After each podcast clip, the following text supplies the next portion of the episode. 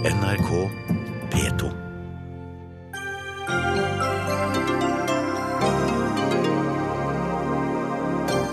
Arbeiderpartiet lover å innvilge skilsmisse til alle kommuner som nekter å slå seg sammen. Og får kjeft fra de fleste hold. Men er det ikke egentlig Høyre som har solgt skinnet før bjørnen var skutt? Bønder på ferie skal ikke lenger få refundert penger til fjøsvikar hvis landbruksministeren får det som han vil. Da går pengene til, kraftfôr, og ikke til ferie, sier Bondelaget. Trump setter bremsene på for frihandel, men hva er frihandel, og hvem gagner den egentlig? Og kriminaliteten fortsetter å falle i Norge og verden over, men hvorfor? Er vi blitt snillere med hverandre? Eller har bare kjeltringene lært seg å slippe unna?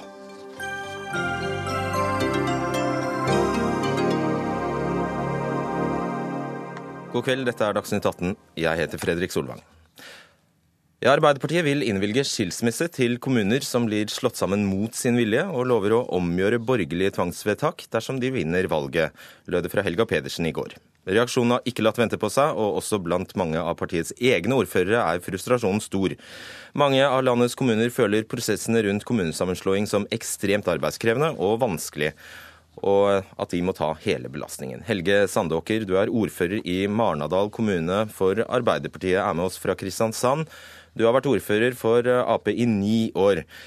Kan du først si litt om den prosessen dere nå har vært i og er oppe i? Har det, vært en plan om å, det har altså vært en plan om å slå sammen Mandal, Lindesnes og Marnardal kommune? Det kan jeg, men jeg har lyst til å si noe helt innledningsvis i forhold til selve kommunereformprosessen.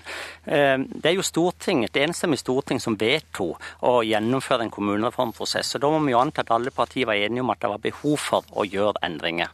Det er utgangspunktet for hele prosessen. Og derfor gikk dere i gang? Da gikk vi i gang. Vi fikk en beskjed av regjeringa å gå i gang og finne ut av dette lokalt. Jeg oppfatter at regjering og storting sender ballen over til kommunene, sier fiks det. Eh, og så har vi jobba med dette tett i ja, to-tre år. Brukt utrolig mye ressurser både politisk og administrativt eh, på denne prosessen. Og så i sluttfasen nå så eh, sier eget parti bl.a. at nå skal ikke Stortinget vedta noe upopulært. Vi har gjort masse upopulære vedtak rundt om i kommunene fordi at vi har følt behov for å gjøre noe med kommunestruktur, og ofte på tvers av, av mange innbyggeres mening. Men nå skal altså Stortinget ikke ta noen belastning eller gjøre vanskelige vedtak. Det, for meg virker dette helt uh, merkelig. Og bare oversett det til helt lokale forhold uh, for, hos dere, er du snill. Ja, nei, lokale forhold er jo at Marnardal og Mandal har gjort vedtak uh, i kommunestyrene om å slå seg sammen til ny Lindesnes, slå seg sammen med, med Lindesnes til ny Lindesnes. Og så har Lindesnes gjort et vedtak som tilsier at de ikke har et positivt vedtak i forhold til dette. Så det er på en måte statusen. Og det er da du tolker ditt eget parti dit hen at da skal Lindesnes kunne sette ned foten, og alt uh, faller i fisk? Ja, sånn opplever jeg at det kommuniseres, ja. Og I går ble du da intervjuet i Aftenposten, og du sa at Arbeiderpartiet har vært fraværende gjennom hele prosessen, og at du har savnet backing. Hvilken backing? Eh, jeg tenker, Det har vært landsmøte. Opprinnelig så var Arbeiderpartiet jo enig i at det kunne brukes noe tvang. Alle vedtak er jo en tvang for de som er uenig i det, om det er stortingsvedtak eller kommunestyrevedtak. Men så ble jo det mot eh, I 2005, nei, 2015 så ble det av landsmøtet omgjort til at det skulle være ren frivillig. Det ble iallfall tolka sånn.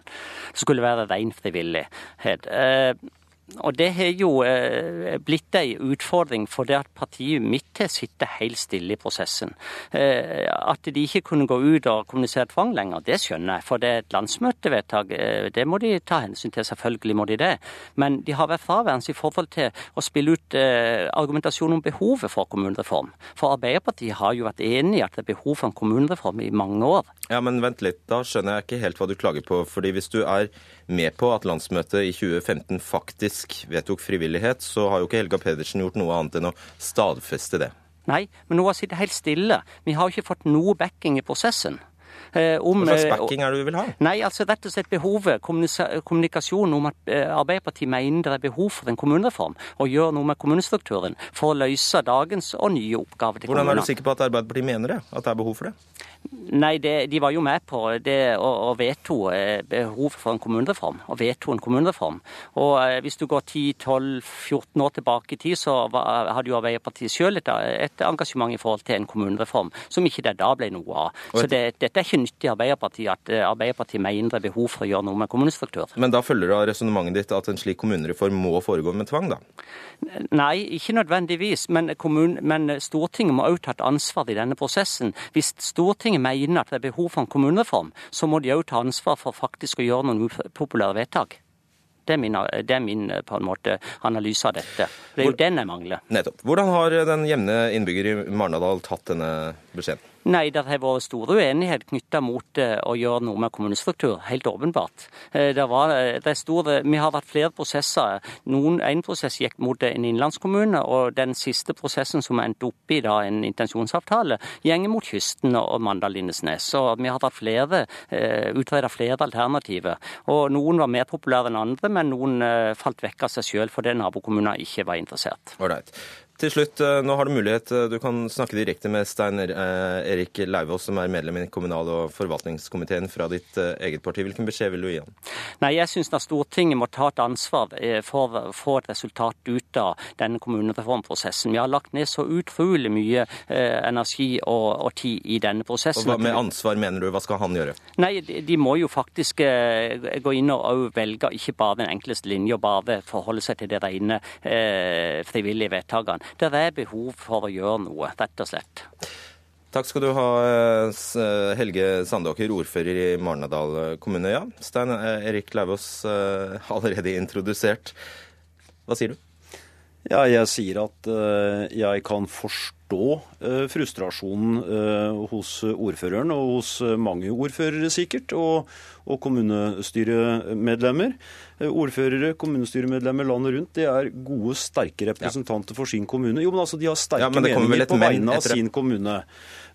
og Uh, og har du tenkt å gjøre som han sier?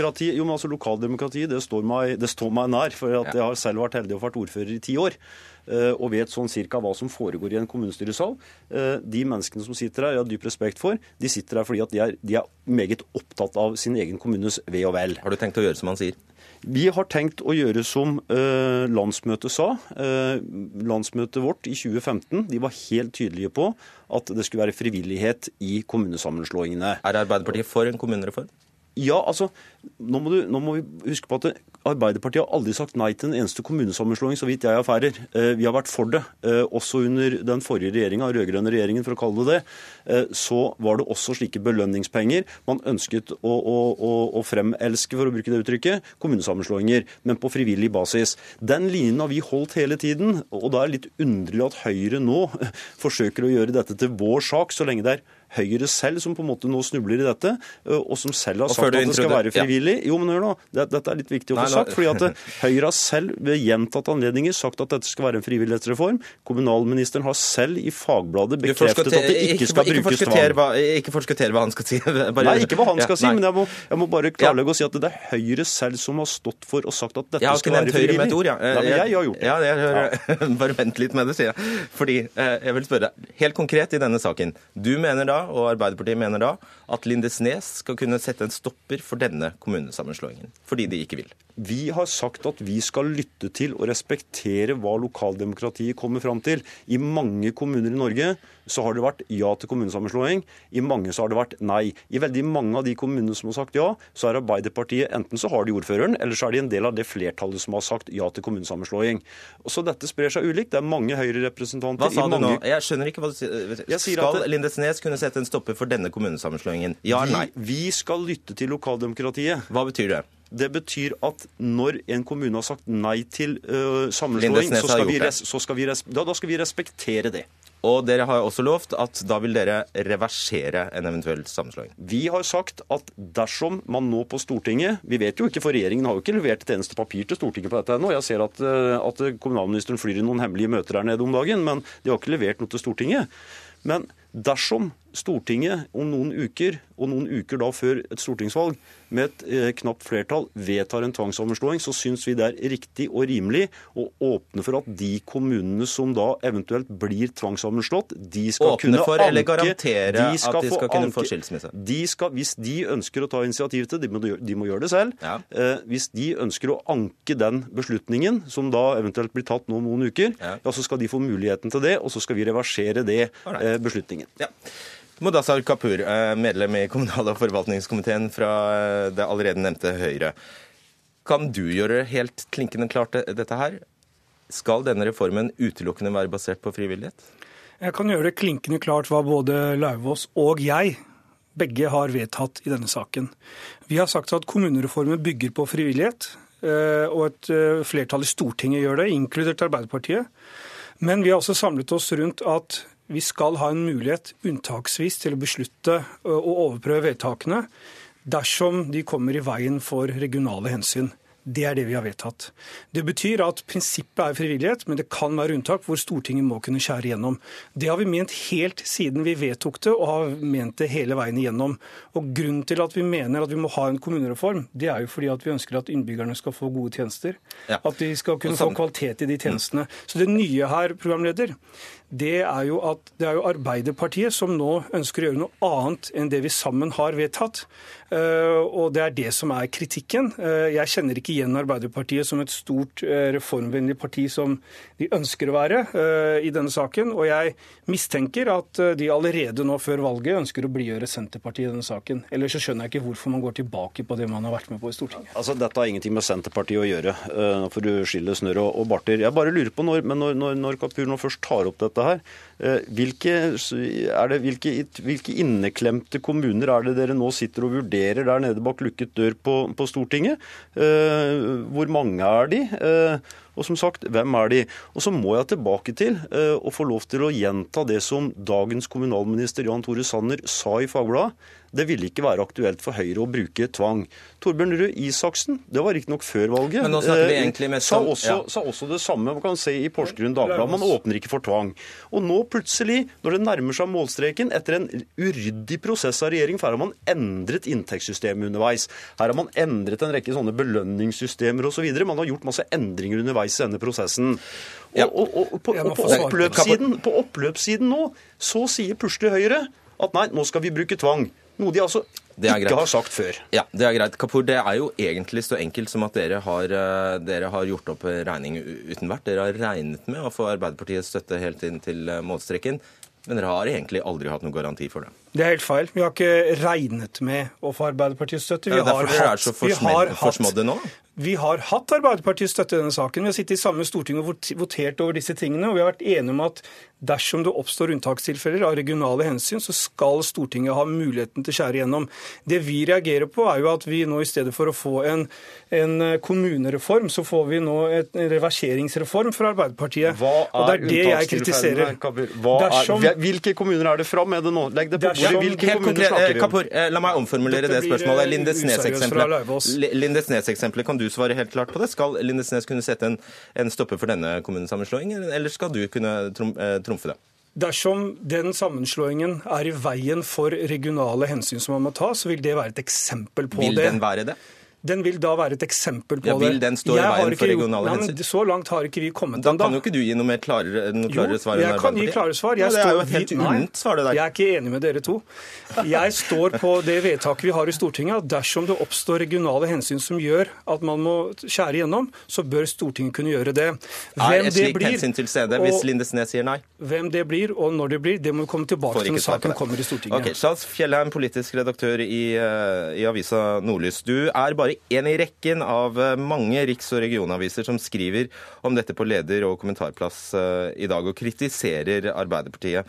Eh, du skriver at Arbeiderpartiet mangler reformvilje, og dermed datt vel Arbeiderpartiet av stolen? Ja, altså, Det går jo en rød tråd gjennom Arbeiderpartiets eh, historie. og det er at Partiet har alltid vært for kommunesammenslåing. Gå tilbake til 60-tallet og, og, tenke på det Gerhardsen eh, gjorde den gang. Eh, til tross for massive protester så beslutta man å redusere antall kommuner i Norge fra 750 til 450. Det vi ser nå, er jo et Arbeiderparti som av rent valgtaktiske hensyn, slik jeg oppfatter det da, endrer standpunkt noen få måneder før et valg. Altså, Arbeiderpartiet ser ut til å være stressa over Senterpartiets store fremgang, og de ser hvordan Senterpartiet livnærer seg på denne sentrum-periferidimensjonen i norsk politikk. Forskjellen på Senterpartiet og Arbeiderpartiet er jo at det ligger, mens det ligger i Senterpartiets DNA å være mot kommunesammenslåinger, så ligger det i Arbeiderpartiets DNA, politiske DNA å være for kommunesammenslåinger. Så jeg tror at velgerne blir ganske forvirra over okay. denne kommunikasjonen fra Har du forlatt eh, genmaterialet ditt, Lauvås? Nei, absolutt ikke. Og jeg reagerer jo litt. Altså, nå må Nordlys få lov å ha sin mening om dette. Det er helt greit. Eh, Og de har en helt annen mening enn de aller fleste kommunestyrene eh, i Finnmark har. Eh, Jeg har respekt for det. Syns det er helt i orden. Det må Nordlys bare holde på med. Men, Så er de enige, som jeg sier, med de aller, aller fleste altså, meningsbærende avisene her i landet. Når Nordlys nå hevder at vi noen uker før valget snur, så er det jo bare med respekt å melde tull og tøys. Altså, Det er snart to år siden landsmøtet til Arbeiderpartiet i 2015 på Folkets hus på Youngstorget. Jeg var til stede der. Eh, ikke sant? var da man presiserte vedtaket om at kommunesammenslåing det skal baseres på frivillighet. høre Og det er ikke noen uker før, det er altså snart to år siden. Ja, Fjellheim, hvor tar du det fra? Jeg tar det fra Arbeiderpartiets eget program, som er identisk med innstillinga i proposisjonen til Stortinget. Når det gjelder bruk av tvang, så er dette formuleringer som faktisk ja, altså ord for ord er helt identisk. Der, eh, der eh, at enkeltkommuner ikke skal kunne stanse endringer som er hensiktsmessige ut fra regionale hensyn. Og For meg så, så er det litt eh, merkelig at Arbeiderpartiet, som alltid har vært et parti som har gått i bresjen for store, nødvendige reformer i det norske samfunnet, ikke vil stå sammen med regjeringa og den bestillinga som Stortinget har kommet med for å endre, når det er helt nødvendig å endre kommunestrukturen i Norge. Ok, Kapur først, og så får du avslutte. Lauvås. Veldig kort. Eh, Vi står nå overfor store utfordringer. Vi har befolkningsvekst. Og dagens eh, Norge er skrudd sammen slik eh, den ble, vi gjorde ved en reform for 50 år siden. Hvis vi skal møte morgendagens utfordringer, hvis kommunen skal kunne greie å levere de tjenestene innbyggerne har krav på, så må vi gjennom en kommunereform. Det er jo snart bare dere som mener det, da. Nei. Det er Jo, det det ikke. er det. det er faktisk et flertall på Stortinget som mener at vi skal ha en kommunereform. Nei, det er ikke det etter hvert. Jo, altså det, altså Arbeiderpartiet sier at de ønsker en kommunereform. De ønsker bare å stikke av fra deler av den, og det syns jeg blir useriøst. Vi står overfor en stor reform, og her må Arbeiderpartiet faktisk være ansvarlig. Fjellheim har rett i, han siterte landsmøtevedtaket riktig. Ja, I 2013. Men altså, vi har gått noen år siden 2013. Eh, Vi andre Dere har vingla litt siden 20 vi 2013, Nei, det er, dette handler ikke om å vingle. Og skal vi snakke om å vingle, så er det mange historiske landsmøtevedtak i mange partier. Men i 2015 presiserte altså landsmøtet vårt at det skal bygge på frivillighet. Eh, Og vi er ikke imot kommunesammenslåinger. Absolutt ikke, vi er for de, men de skal foregå på frivillig basis. Det skal være etter eget ønske fra kommunene. Og så har jeg bare lyst til å si at eh, Høyre må slutte å skylde på alle andre i denne saken. De får nå rydde opp i eget rot. Lars Nehru Sand, politisk kommentator i NRK. Hvorfor eh, gikk Helga Pedersen ut i går og sa det hun sa? Det hun sa i går, er jo eh, Man kan snakke om 2013 og 2015, men det hun sier, eh, sa i går, er jo egentlig en forskuttering av hva, sånn som jeg tolker det, Arbeiderpartiet vil gjøre i neste periode. Det er en blank nyhet. at eh, En ting er at Arbeiderpartiet i denne perioden har sagt at de ikke ønsker en kommunereform på Høyres måte.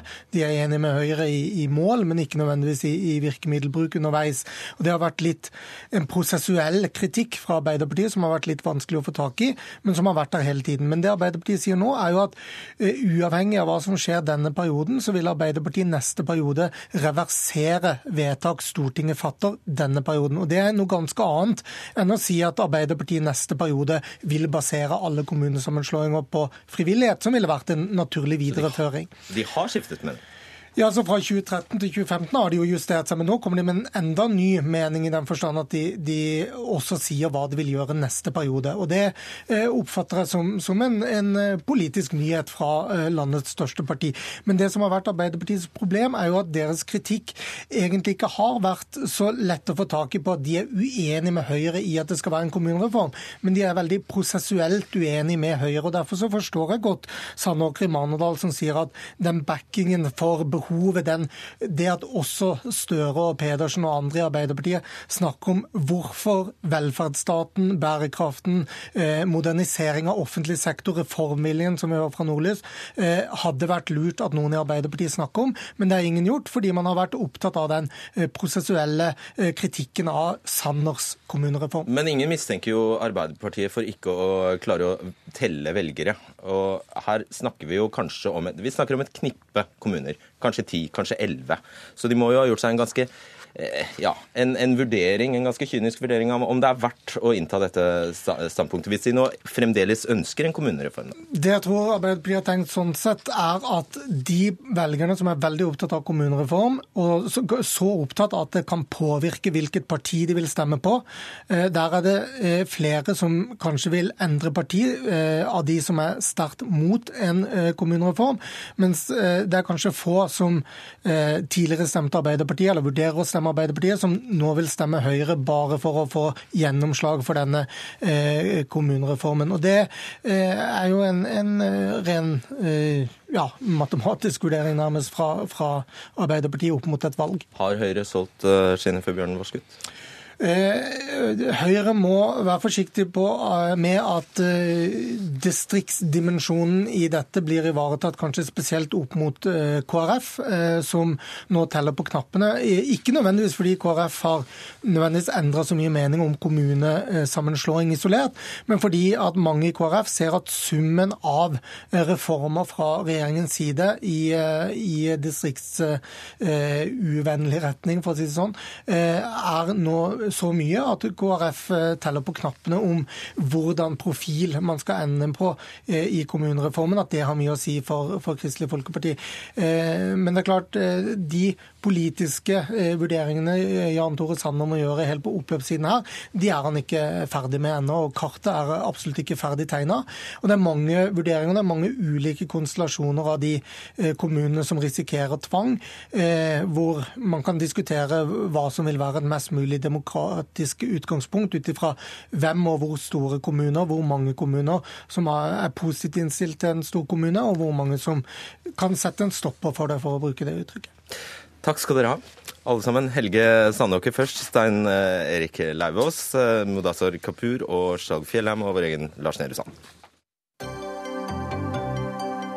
Dagsnytt 18 alle hverdager kl 18.00 på NRK P2 og NRK2.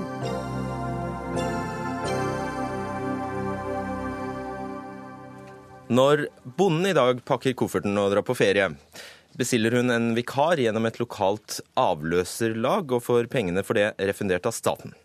Men det vil landbruksministeren ha slutt på, og i stedet foreslår han å øke husdyrtilskuddet, slik at bonden selv styrer hvor mye ferie hun vil ta ut, og betaler vikaren av egen lomme. Vi starter med deg, Terje Halleland, du er statssekretær i Landbruksdepartementet for eh, Fremskrittspartiet. Hvorfor denne omleggingen? Nei, Det er rett og slett for å gjøre eh, hverdagen for bonden litt enklere enn den er i dag. Det er ingen omlegging, og, og som eh, programlederen innleder med, så, så, er det ingen krav i dag om at bonden skal kjøpe eh, avløsertjenester av et avløserlag. Han står helt fritt til å disponere de pengene til å, til å bruke avløserlag, leie inn snekker, bare han har eh, ting som, som, hjelper han med drifta på, på gården. Skal du spare penger på det? Nei, dette er direkte Altså, tilskuddet i dag er lagt opp til at du får et tilskudd per dyr opp til 74 000 som skal være avløserretta. Så de med færre dyr får bare én dag ferie? Da får du, da får du, da får du mindre uh, til avløsing. Men i stedet for at bonden hver gang må dokumentere at han har leikt inn uh, dette, så, så, får han jo utenom et, et tilskudd per dyr. Så sier vi at i, i, som en ren forenkling, så legger vi på avløsertilskuddet på det dyretilskuddet som man har allikevel. I dag så samtlige som søker avløsertilskudd og har rett på det, tar ut mellom 93 og 95% Sånn at hele tilskuddet går ut til alle som har rett på det. Og Derfor så, så ser vi på det som en ren forenkling, og, og at bonden skal slippe å, å, å dokumentere det kravet. Brita Skallerud, nestleder i Norges Bondelag, men også bonde, bonde, selv. Kan ikke du forklare hvordan eh, dette fungerer i dag, veldig kort, og hvordan du ser for deg at dette kommer til den nye ordningen vil, vil fungere? Ja, sånn som det fungerer for de aller fleste, da, det er at du enten, som du sa innledningsvis, leier eh, eller får en avløser gjennom avløserlaget. Du har som regel en fast en som kanskje er på en tre, fire, fem gårder eller noe sånt nå, som kommer til deg og er avløser. Eh, eller så har du eh, enten et familiemedlem eller noen andre som også kan også stelle fjøs eller være fast avløser hos deg. Eh, og, men det viser seg jo da at man bruker avløser til å ta seg fri når man får et avløsertilskudd til det. Og Dette er jo framforhandla jordbruksavtalemidler, så det er en del av jordbruksavtalen. Og, og Derfor så er det sånn at når man har et avløsertilskudd som går til avløsning, så tar man seg ferie og fritid. Det forslaget som Ja, For det er bare på den måten du får de pengene. ja, Du får ikke tatt ut de pengene hvis du ikke bruker det på det. Eh, Og vi ser at de fleste bruker altså ikke ferie, eller tar ikke og bruker de penga uten at man tar ut ferie for dem. Og det, det mener vi er veldig viktig, både av Men hva frykter du vil skje da hvis dere i stedet får pengene i en større pott, Også, og med beskjed gjør som dere vil? Ja, og da eh, vil de aller fleste, eh, fordi vi vet at økonomien i landbruket ikke er veldig sprek, og da vil de aller fleste bruke de penga til å betale regninger med, eller til å, å, å gå inn i den daglige drifta. Vet ikke bøndene sitt eget beste? Burde, skjønner de ikke når de bør ta seg litt fri? jo, man prøver, men hverdagen tar en. Og så ser vi det at man velger faktisk ikke å ta fri. Og vi ønsker jo at folk skal ta fri eh, noen dager. fordi vi ser nå en undersøkelse som er raskt gjort på et produsentlag i, på Øvre Romerike blant mjølkeprodusenter der. Så sier man det at det, der er det altså faktisk eh, 40% som har mindre fritid nå enn for for fem år siden. Det er eh, 5 som har fri oftere enn to helger per måned. Eh, Og det er bare 16 Ja, men hvorfor skulle det bli annerledes? Jo, fordi at det, vi, altså her er det 16% som er mer enn to ukers ferie. Altså det er lite fra før. Og da vil man velge å ikke Man har rett og slett ikke økonomi i drifta til å bruke det på ferie og fritid. Og velger da å bruke det på drift i stedet for å ta ut til ferie og fritid. Og så får man en effekt til som jeg har lyst til å si, og det er at det, de avløserlaga vi har, som har faste ansatte folk Ja, men Vi må forklare hva det er. Altså, det er altså en slags pool med, med faglærte avløsere som, eh, som er gjerne, gjerne utdannet Ja. innen eh, ag eh, agronomi. Og det er 5000 årsverk som er i denne pullen til norsk eh, landbrukstjenester. Og det er altså mange flere enn det. Altså det er eh, 5000 årsverk fordelt på kanskje sånn 30 35 000 personer. Mm. Ikke sant? Ja. Og de har jo kunnskap om å stelle fjøs. Også som er der hvis bonden blir syk. Og det er ikke uvesentlig. Fordi at det, det fins ikke i dag folk hvor du kan plukke opp hvor som helst til å komme og mjølke 25 kuer. Ingen av dere to kan jeg spørre, kan ikke dere komme og mjølke kuene mine i morgen, for jeg brakk beinet? Ikke sant? Så vi må ha folk som kan noe. Ja, Og hvorfor ødelegge en ordning som fungerer så godt? Altså, eh, jeg tror eh, jeg tror jeg må forklare litt. For, altså, det, finnes, det finnes ikke krav i dag om at bonden skal ta fri for å få kompensert for disse midlene. Du kan leie inn en snekker til å ta taket på, på løa di. Ingen krav om at, at dette skal være knytta til, til, til, til at du sjøl har tatt fri. Du Det- kan bruke pengene som kan- skulle gå til ferie, på en snekker i stedet? du kan bruke det til, til, til en snekker. Det er ingen krav til det i dag. Det er heller ingen krav til at du skal gå til en pool med, med, med avløsere. Men bonden har jo sjøl sitt at det er en fornuftig ordning. Du kan ringe til Polen og be om en avløser derfra. Ja, og det kan du òg gjøre i fremtid. Men, men det er bare det at eh, i stedet for at eh, du skal be om å få refundert de pengene fra kommunen med en senere anledning, så får du de pengene i lag med tilskuddet for dyra dine. Så enkelt er det. Det er altså en forenkling som skal gjøre hverdagen litt enklere for alle parter. Og der nærer dere en dypere frykt, nemlig at hvis du gir eh, bare, hvis, dere, gir, hvis eh, dere får pengene i en større sekk, og denne regjeringen har til hensikt å minske den pengemengden etter hvert, så Ja, og da er det nemlig sånn, altså Han snakker om at det er en forenkling. Det, eh, for oss så er jo ikke dette her komplisert i hele tatt, for det første. Og for det andre så er det noen internasjonale regler som, og, og handelsavtaler osv. Og, så videre, og WTO-system som gjør at vi får det her i såkalt rett boks. da. Eh, At det er et grønt tilskudd som vi kan få lov å bruke som vi vil. Eh, Det er, så, så Derfor så er det viktig at det er der. Og så er det sånn at når du legger et ting på husdyrtilskudda, så vil dem som har flest husdyr, få mest penger. Og mens her er det jo en fordeling som gjør at også dem som har mindre husdyr, får frihelg eller eh, fire i året for de penga. Mens hvis du legger det på husdyra, så får du veldig lite. Okay. Mens de store bøndene vil da få mer. Svar på det, Halleland. Ja, det, det er et tak på 74 000, så du, du får ikke mer. Har du, har du rett på utover det, så, så er det satt opp et tak. Og så tror jeg det er viktig at eh, hvis, For jeg forstår det sånn at Bondelaget er redd for at disse pengene skal bli brukt til andre ting. Enn eh, en avløser. At dere skal kutte subsidier, i subsidiene? Er det Nei, ja, men, men altså, at, at bonden som da får tilgang til de pengene uten å måtte, måtte dokumentere at han har lekt inn, skal bruke det på, på noe annet, eh, så har altså Landbruksdepartementet mer tillit til bonden eller hva, hva Bondelaget har. Og det vi ser i dag, det er at et gjennomsnittlig melkebruk på, på 25 kyr, de har altså innleid arbeidskraft for ca. 140 000 i dag. Altså det dobbelte av det som det blir eh, gitt tilskudd til. Så det er ingen grunn til å tro at eh, det skal bli mindre innkjøp ifra, ifra bøndene. Det. Men ikke sant, noe av den innleide arbeidskrafta er jo den snekkeren som han snakka om i stad. da. Vi, vi, har, vi har jo innleid arbeidskraft til å utføre en del tjenester for oss Ingenting utover som det på å ha hindrer deg å fortsette med det. Nei, men ikke sant? Du, du, du må prioritere hele veien som sjølstendig næringsdrivende. Og, og jeg har også tro på at bonden eh, evner å ta avgjørelser, men vi ser jo at man utsetter det å ta fri.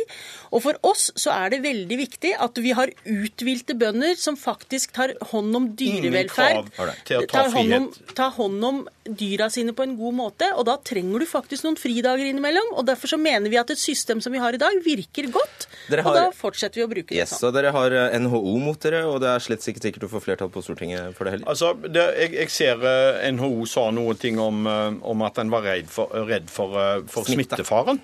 Men altså, det, det, er, det er ingen grunn til å, å tro eller mene at at bonden skal leie inn andre eller kan gjøre i dag. Det er jo ingen endringer. Altså En får 74 000, opp til 74 000 uten å dokumentere det. Det er den eneste forskjellen som er. I dag må han dokumentere det. Ja, men Hvis du Og- sier og det ikke er noen endringer, hvorfor skal vi da endre det? for det er en forenkling for uh, forvaltninga, for kommunen som skal motta og behandle søknaden. Det er en forenkling for bonden som slipper å følge ut en søknad og, og, og, og ha alt det mer- merarbeidet. Det er en enklere hverdag. Takk. Terje Halleland og Brita Skallerud.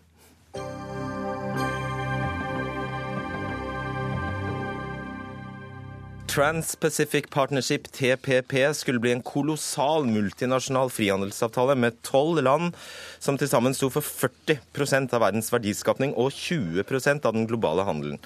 Men ifølge Donald Trump kommer USA alltid dårligst ut i frihandelsavtaler. Og i går gjorde han som lovet under valgkampen og trakk USA ut av TPP. En avtale han mente ville voldta USA. Igjen står forsmådde samarbeidspartnere i Stillehavsregionen, som nå ser mot Kina som en mulig ny handelspartner. Og Arne Melkjord, seniorforsker ved Norsk utenrikspolitisk institutt, NUPI, leder for eh, forskningsgruppen for internasjonal økonomi. Eh, Kan du forklare for oss kort hva denne TPP-avtalen er?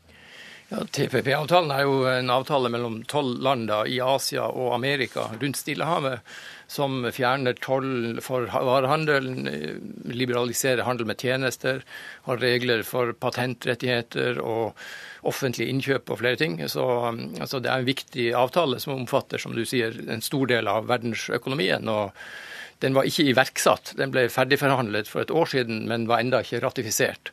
Så det er et viktig signal fra Trump om at han mener alvor med den nye handelspolitikken han har signalisert. Og hva er det han anfører? Hvorfor vil ikke han ha det? Ja, Det er faktisk litt uh, uklart. da, fordi at uh, Hvis man ser på retorikken fra Trump, og spesielt de som om, eh, omgir Trump, f.eks. Navarro, som leder dette nye handelsrådet i Det hvite hus, så er det jo at, uh, at handelen er urettferdig. Altså at landene jukser med patentrettigheter, kopierer produkter, offentlig eide selskaper har ikke vanlige konkurransevilkår. Og, og disse tingene har jo faktisk USA fått gjennomslag for i TPP.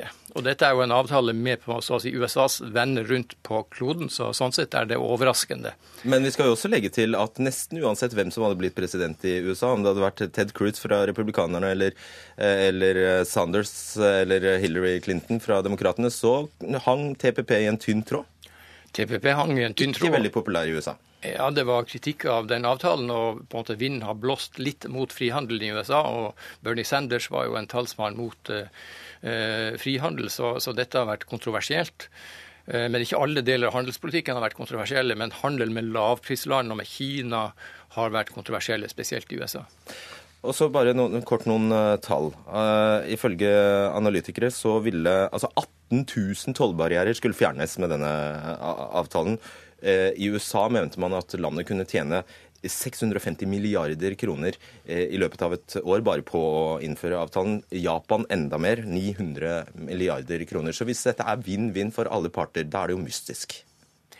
Ja, Det er jo den nye tankegangen i USA, at dette er ikke win-win, men det er på en måte win-lose. Det er et nullsumspill hvor eh, amerikanske arbeidsplasser ofres ved at andre slipper til i markedene. Men noe må, jo, må det jo være i det? Men økonomien, eh, analysene tilsier jo at det hadde vært noe å hente økonomisk. Og USA, f.eks. Landbruks, eller, altså landbrukssektoren i USA ville få åpnet det japanske markedet, som er en ganske viktig ting, gjennom denne avtalen. Så de har jo argumentert for at han burde eh, respektere avtalen. Tore Myhre, avdelingsdirektør eh, for internasjonalisering og europapolitikk i NHO. NHO. Kina ikke en del av TPP og gnir seg i hendene. Det tror jeg de gjør nå. Dette er jo en gavepakning fra, fra, Trump til Kina. Noe av motivasjonen for å få TPP, denne stillehavspakten, på plass, var jo ikke bare handel, selv om det var det viktigste, men det var jo også geopolitikk fra, fra amerikanernes side. En måte for amerikanerne å få større innpass i Asia. I f.eks. Eh, kommunistiske regimer som Vietnam. Ja, og nå er det klart at Kina er klare til å ta den rollen der og, og posisjonere seg. De har sine egne forslag til handelsavtaler i Asia. Er det gitt fordi Eller bare la oss ta noe vi snakker jo da egentlig, vi snakker jo enorme områder her. Vi snakker store deler av Latin-Amerika, store deler av, av Sørøst-Asia, i tillegg til Australia og New Zealand i Oseania. Kinas handel med Latin-Amerika, dette er jo noe vi sjelden snakker om her, men den er altså økt med 2400% på 13 år. Da har jo Kinas handel økt med nesten alle land. Og også for Norge så er det jo Kina som har vært noe av dynamoen med at de har hatt så stor vekst. Og da har de hatt behov for å importere råvarer, det som Norge da har tjent gode penger på. Og samtidig at de har eksportert forbruksvarer billig. Så det har jo vært en dynamo i verdensøkonomien de siste tiårene. Og TPP ville kunne satt hva da? En og TPP ville jo kunne vært en slags motvekt, en mulighet for oss amerikanerne til å posisjonere seg i Asia. Og det er akkurat samme som for Norge. Vi forhandler jo også med Vietnam, Indonesia, India. Det er også viktig for oss å komme på banen i Asia. Et av paradoksene her, Melkjord, er jo at her møtes altså ytterste venstre og ytterste høyre i, i motstand mot frihandel. Hvordan kan det ha seg? Du, du, hvordan kan det ha seg? Ja, Det er jo slik at uh, altså handel, altså, det er ofte slik at handel er fordelaktig for et land, mens det kan være vinnere og tapere. Og I USA så har det jo vært en veldig sterk industriell nedgang og en forverring av handelsbalansen. og da Rustbeltet i USA med synkende bilproduksjon har jo vært en uh, viktig driver i velgeroppslutningen til, til Trump foran dette valget. og så, ja, og det, så det, de har støttet Trump, og de har til dels gått mot venstre. da, Så, så, så på en måte fordelingsvirkningen av handel kan ha framskyndet kritikken da, av handelsavtalen. Ja. Det som bekymrer oss i NHO, er jo det at dette har en, en slags smitteeffekt. og Det er med å legitimere den antiglobaliseringstendensen som vi ser. Og vi ser at det kan også spre seg til Europa. og man kan jo forstå de, den frustrasjonen mange har hvis en mister jobben. Man forstår jo de som mister jobben. Absolutt. Men da er det jo ikke sikkert at det er frihandel som er skylden. Det er jo teknologisk utvikling som er kanskje vel så viktig. Sånn at det er en del lette løsninger, og man, man skylder på globaliseringa når man egentlig vil oppnå noe annet. Men helt konkret, denne avtalen ville også innebære at japanske bilselskaper fikk Eller at amerika, amerikanerne fikk innpass på det japanske markedet, kanskje primært, men også at japanske bilmerker f.eks. fikk bedre innpass på det eh, amerikanske. Da ser altså da ser altså kanskje de som er imot en slik avtale, at eh, markedet for biler forsvinner til Japan. Er det så enkelt? Altså, Handel skaper jo omstilling, da, og, vi, og, det som er hovedpoenget er vel at man må makte denne omstillingen. Man må ha utdanning, man må få folk over i nye og mer produktive jobber. og USA har fortsatt, selv om det har gått ned, en viktig del av bilproduksjonen i Nord-Amerika. Så så, så, og Der har på en måte USA sviktet litt ved at reallønningen i industrien ikke har økt, og man har ikke klart denne omstillingen raskt nok. da. Um, Neste på lista her er vel dette, denne såkalte TTIP-avtalen. Ja, altså USA og Europa har jo forhandla om en, en, avtale. De forhandlingene er ikke ferdige ennå. Og vi har jo Det er interessant å se at Trump har ennå ikke skrinlagt den, sånn som han gjorde med Stillehavsavtalen. Bare forklar hva det er. Eh, og avtalen, ja, TTIP. Avtalen mellom EU eh, e og USA er da en omfattende eh, frihandelsavtale som også gjelder investeringer. Og det vil øke handelen mellom, mellom EU og USA, og det vil bidra i veldig stor grad til å lette handelen. Det, og det gjelder også regulering og standardiseringer, og ta bort en del av de handelshindringene som, som er viktige for bedrifter. Og vil kunne ha, få innvirkning for Norge. Absolutt. Trumps signaler i tiltredelsestalene de er jo faretruende i den forstand at de, de, tyder på at det vil skje en endring etter at USA har vært toneangivende i handelspolitikken globalt i, i 70 år. da.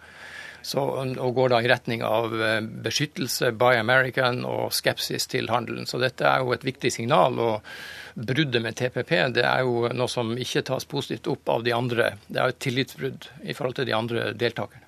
Takk for den innsikten, dere. Arne Melkjord og Tore Myhre.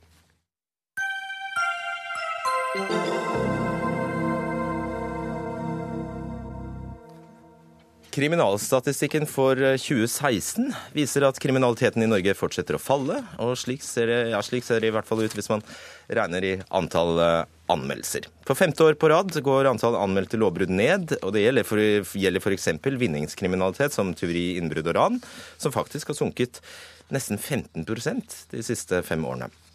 Men andre steder i rapporten, som da kommer fra politiets driftsstatistikk, ser det annerledes ut. For anmeldte voldtekter økte med nesten 22% og seksuell omgang med barn under 14 år økte med like mye. Hugo Hansen, du er førstelektor ved Politihøgskolen. Uh, før vi begynner å trekke noen slutninger her, gir dette et, det fulle og hele bildet av kriminaliteten i Norge? Uh, jeg skulle ønske jeg kunne si ja på det. Men dessverre, nei, slik er det ikke. Eh, det vi får vite her, det er hva politiet registrerer. Eh, hva, de, hva vi som publikum eh, anmelder, og hva politiet selv oppdager, og som blir registrert i det Strasak-registeret, som er politiets register. Ved siden av dette så har vi noe som kalles mørketall, som som vi må ha litt data på, eh, som kan fortelle oss da og gi oss mer fullstendig bilde av eh, faktisk kriminalitet, da, hvis vi kan bruke et sånt begrep. I den statistikken som er publisert i Aftenposten i dag, eh, er det listet opp vinning, trafikk, annen narkotika, vold, økonomi, skadeverk, seksuallovbrudd, miljø og arbeidsmiljø. Hva er det som glimrer med sitt fravær? Ja, altså vi er i en situasjon hvor vi har uh, sett og klødd oss i hodet en, en tiårsperiode over redusert registrert kriminalitet. Det er gledelig. Og vi kan forklare noe med uh, økt vaktselskap, uh, videoovervåkning av boliger og mange tiltak som gjør at vi får en nedgang. Samtidig så har vi eh, en forsker, Barry Loveday fra Storbritannia, som peker på et område hvor vi er fraværende. Og det er altså eh, kriminalitet som skjer via eh, internett, eller rett og slett en datamaskin. Mm. Kristin Kvigne, avdelingsdirektør i politifag i eh, Politidirektoratet. Det er faktisk sant. Jeg tror det er mange som tenkte det da de så den statistikken her, at datakriminalitet burde absolutt ha stått her. Ja, og vi ser jo at når det gjelder datakriminalitet, så er det nok der vi også har de største mørketallene. Vi har, eh, vi har også i innbyggerundersøkelsen vår eh, stadfestet at det er der eh, færrest anmelder lovbrudd til politiet når de blir utsatt for det. Er det derfor det er mest behendig å utelate det om? Sånn at statistikken blir bedre? Nei, nå har vi det inne i vår statistikk eh, for øvrig. På, på, det vil jo gå på vinning. Det, altså Datakriminalitet ja, er, er, jo veldig mange Det er på en måte overgripende. Nemlig. Er, ja. Nemlig. For uh, dette vil jo eh, innbefatte veldig mange typer kriminalitet. Og noen enn den alvorlige kriminaliteten som skjer på nett, f.eks. overgrep mot barn osv., der vi jo, jobber vi jo veldig aktivt uh, fra norsk side for å bekjempe det. Så det vil, så I denne statistikken her så, så ville det sortert som eh, seksuallovbrudd? Det vil det. Ok. Eh, Norge er et trygt land, sa eh, politidirektøren. Er det utvetydighet er sant? Ja, det er sant. Norge er et trygt land.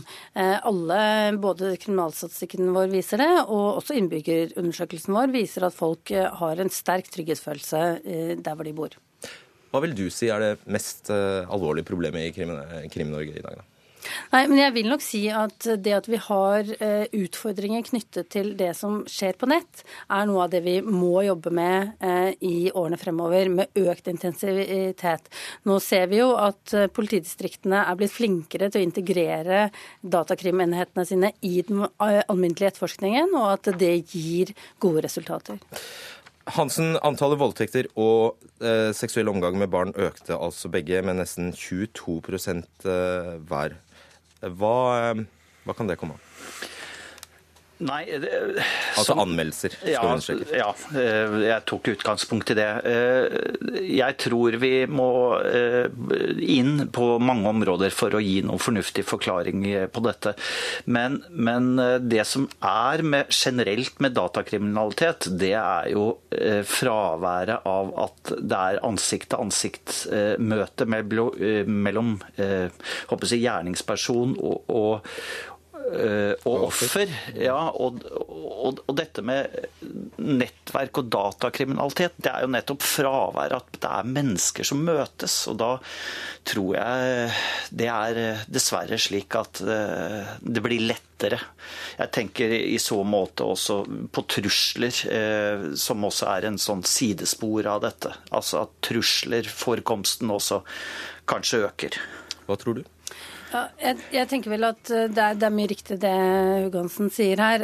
Um, uh, og at dette er et område som vi må ha en sterkere intensitet på. For vi ser jo at eh, tilbøyeligheten til å anmelde vold og trusler for øvrig ikke går ned. Altså den er snarere stigende.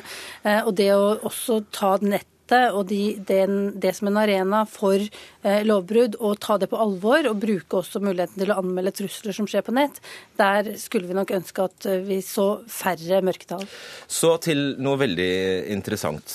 Det er jo ikke bare i Norge dette skjer, at, at kriminalitetsratene synker. Det skjer stort sett over hele Vesten. I USA er voldsstatistikken lavere nå enn den var i 1960. I Japan er den lavere enn før krigen. I England og Wales har voldsnivået senket seg 66% siden 1995. Hva kan dette komme av, Hugo Hansen? Er vi blitt snillere med hverandre? Jeg skulle ønske at jeg kunne bare definitivt si ja til det, men, men uten å ha lest uh, den rapporten, uh, så vil jeg jo si uh, at det er vanskelig å altså, si noe generelt, men at kriminaliteten på et kriminaliteten generelt sett på et utvalg av, av områder i Europa går ned. Det kan jo tyde på det, men uh, igjen, jeg er forsker. Jeg uh, syns det er vanskelig å uttale seg med 100% sikkerhet her. Men det er litt uh, bemerkelsesverdig at hvis vi ser på i en 30-årsperiode på drapstallene våre i Norge, så har jo også de vist en markant nedgang. Mm. Hva tror, altså Dette blir jo bare det blir spekulasjon. Hva, hva, hva, er den rådende teori, Kvigen? Ja, jeg tror ikke jeg skal spekulere på hva som er årsaken til at det går ned i andre land, for det kan være noe med inngangsverdiene deres osv. Og, så videre, og hva de måler på. Men når det gjelder våre tall, så ser vi jo faktisk at våre voldstall går noe opp. Det skyldes noe endring i lovgivning og hvordan vi registrerer, men det skyldes også at vi har avdekker, tror jeg og tror vi, større mørketall når det gjelder vold i nære relasjoner. Sånn at, er, at folk har mer tilbøyelighet til å komme til politiet med den type saker. Og dette er jo akkurat det vi ønsker. Og også kanskje at, at toleransen for å bli utsatt for vold eh, generelt har, er gått ned. Sånn at man går til politiet for å anmelde når man blir utsatt for vold. Så vi ser jo en økning faktisk i, i anmeldelser knyttet til vold. Eh, og en økning som vi faktisk ønsker oss fordi den har noe med mørketall å gjøre, og avdekker mørketall. Og helt til slutt, Hugo Hansen, er du snill og svarer så kort som mulig på det. Er det kan det være det at kan, kan det være det at altså når, når, tallene synker, kan det være det at, de, at kjeltringene rett og slett har blitt mer utspekulerte? De slipper unna. Ja, Nå blander vi litt uh, forskjellige ting her. Uh, altså Vinningskriminalitet og vold i en og samme kategori for, uh, som et kriminalitetsnivå. Endring i kriminalitetsnivå, det er vanskelig.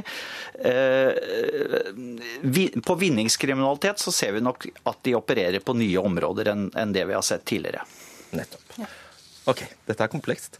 Takk skal dere ha, Hugo Hansen og Kristin Kvigne. Hør Dagsnytt 18 når du vil. Radio NRK Radio.nrk.no.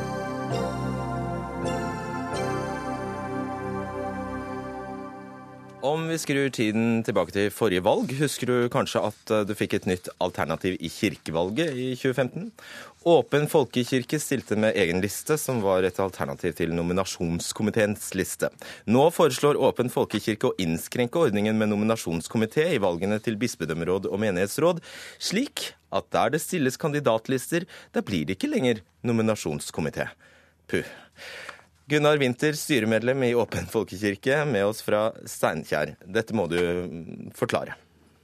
Ja, Åpen folkekirke. Vi ønsker mer demokrati i kirka, og at kirkemedlemmene skal få innflytelse på utviklinga i kirka. og Derfor vil Åpen folkekirke gi velgerne tydelige og reelle valgalternativ ved framtidige kirkevalg. Og Bare minne oss på hvem dere var.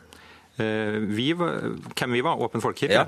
ja. Vi var jo den alternative lista i 2015. da. Som, Hva var viktig for dere?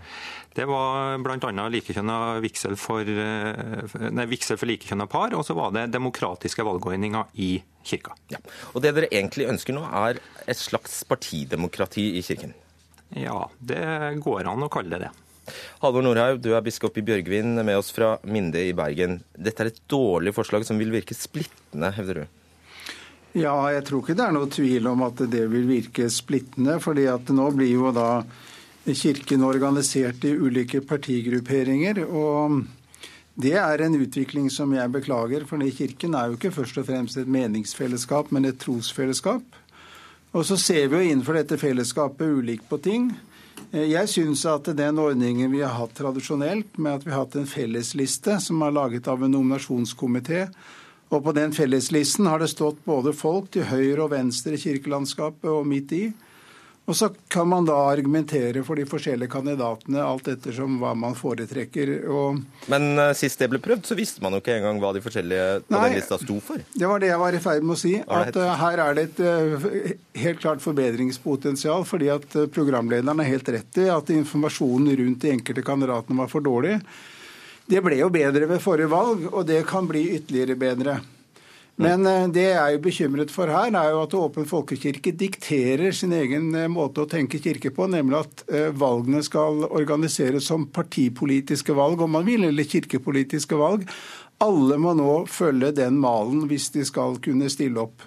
Og Det mener jeg er en veldig uheldig utvikling. og Vi kan jo faktisk risikere at Åpen folkekirke da mange steder blir eneste liste, fordi at eh, andre ønsker ikke å organisere seg på den måten fordi de mener det ikke passer i kirken. Og det er ikke et demokratisk fremskritt hvis Åpen folkekirke blir alene i valgene. En ganske snedig maktovertagelse dette her, Winter? Eh, vi har ikke noe hensikt til å bli det eneste lista ved kirkevalget. Men dere kan fort bli det? Vi tror ikke at det kommer til å skje. Det har alltid vært betydelige meningsforskjeller innenfor kirka, uansett valgordning. Forskjellen nå er at det gamle flertallet har kommet i mindretall.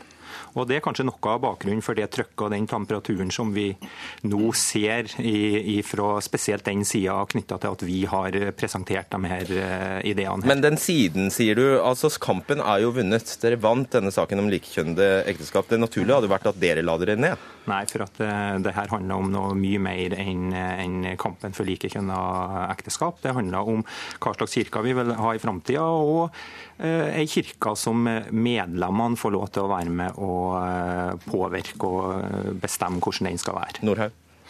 Ja, altså, Jeg hører jo at det blir sagt her at man ikke ønsker å bli alene. Men Åpen folkekirke er veldig godt klar over at det er ikke andre grupper som står klar til å stille opp her.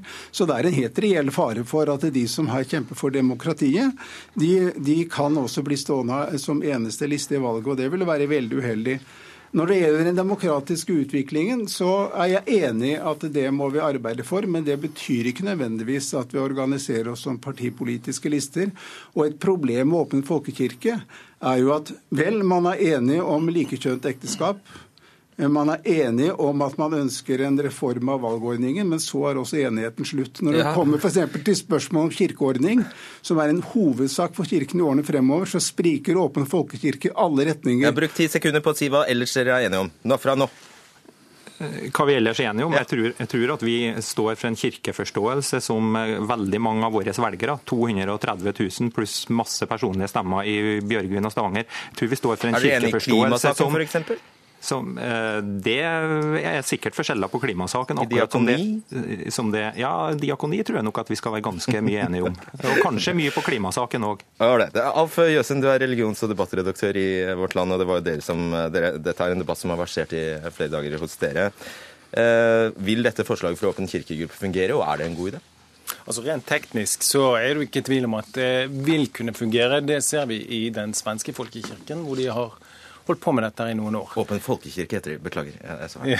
det er mange som tar feil der. Eh, Men om eh, altså Halvor Nordhaug har jo et poeng når han sier at det er ingen andre som står klare til å overta. Spørsmålet er om man ute i bispedømmene står, har organisatoriske muskler til å ta den jobben som det er å starte permanente kirkepartier, lage et valgprogram og samle folk på de listene som skal til. Og en annen spørs, Et annet spørsmål er om de, de har vilje til det. Eh, De som mener noe sterkest i kirken, i tillegg til åpen folkekirke, er jo de aller mest konservative. Og de har jo sagt at de ikke vil dette i det hele tatt, for de er prinsipielt imot eh, en sånn listeordning, fordi det vil føre til en politisering av kirken. Og hva skjer da? Det som skjer, det er at eh, man eh, antagelig ikke vil få flertall for dette her i Kirkemøtet. For Kirkemøtet, disse delegatene vet jo at sakene i Kirkemøtet er jo ikke akkurat så forferdelig vanskelig å bestemme i et program på forhånd. F.eks. For på forrige kirkemøte, der jeg selv var til stede, så, så en sak som vakte stort engasjement, var om eh, organister skal vigsles til tjeneste og dermed bære en skråstoler, altså en liturgisk bekledning. Eh, og det var en del bekymring knyttet til om han kom til å snuble i den og tryne Stod når han Åpen løp. folkekirke samlet bak uh, i den saken? Der var det ingen tydelige uh, fløyer. Men har eh, han rett, Vinter, han. Men- har han rett vinter når han sier, hevder at de er en samlet uh, At de, at de, at de er nokså enige i andre Altså, ja, fordi at eh, Han sier at jeg tror nok de fleste er enige om diakoni. Men det er jo omtrent alle i Den norske kirke. Alle ønsker jo mer diakoni. Og Den norske, norske kirkes eh, aktive medlemmer er jo blant de landene som har et størst miljøengasjement. Så der vil jo også det være veldig mange som ønsker akkurat det samme. Ok. Vinter, eh, da dere skulle tatt stilling til ny biskop i Stavanger nylig, så pre presterte altså Kirkerådet å innsette den konservative Ivar Braut, som hvilket var det motsatte av det Åpen folkekirke ville. Så man kan jo ikke stole på at dere faktisk står ved partiprogrammet deres. Vi har ikke noe i partiprogrammet vårt som sier hvordan eh, vi skal velge biskop. Altså det må jeg arrestere deg på. Eh, Når det gjelder det her med å stille lista Så man kan forvente at dere stemmer for en konservativ biskop? Eh, Vi vil prøve å stemme for den beste biskopen i det enkelte bispedømmet. Men hvor vanskelig kan det her være? Du skal ha minst sju kandidater, én tillitsperson og 150 underskrifter i hvert bispedømme for å få godkjente lister. Det, det er en organisasjon som kan tapetsere helsida i alle Norges aviser, f.eks. før kirkevalget både i 2011 og 2015. De greier å få til det her, og jeg tror òg et sentrum i, i, i eller de mer moderat konservative kan få til å stille lister. Så det, det er ikke noe problem. Hvis man må gjøre det, så vil man gjøre det. Nordhaug, veldig kort. Ja, jeg er enig i det at det kan hende at det er eh, mulig å organisere alternative lister, men det er altså en utvikling som jeg tror de fleste i kirken ikke ønsker. Og det er omtrent ingen kirker i hele verden, bortsett fra i Sverige, hvor det er blitt pådyttet politiske partier i kirkemøtet som har en sånn ordning. Så det er en fremmed ordning for kirken. Og det skjer altså ikke i Jøsund? Eh, Det tror jeg er små sjanser for at det blir gjennomført. Og Hvis du ser på den svenske kirken, så er det et stort spørsmål om det har ført til demokrati i den svenske kirken. For der stemmer jo færre enn i det norske kirkevalget, selv om de har denne ordningen. Og her var det hele 15% sist. Ja, det var 16,7% sist, med det enorme engasjementet og mediedekningen som det valget hadde. Ikke sant. Takk skal dere ha. Vi får følge med utover uka, da. Eh, takk skal dere ha, Gunnar Winther, eh, Halvor Norhaug og Alf Jøsund. Dagsnytt 18 er over. Fredrik Lauritzen var vaktsjef. Lisbeth Seljereite var eh, tekniker. Fredrik Solvang var programleder. Takk for i kveld.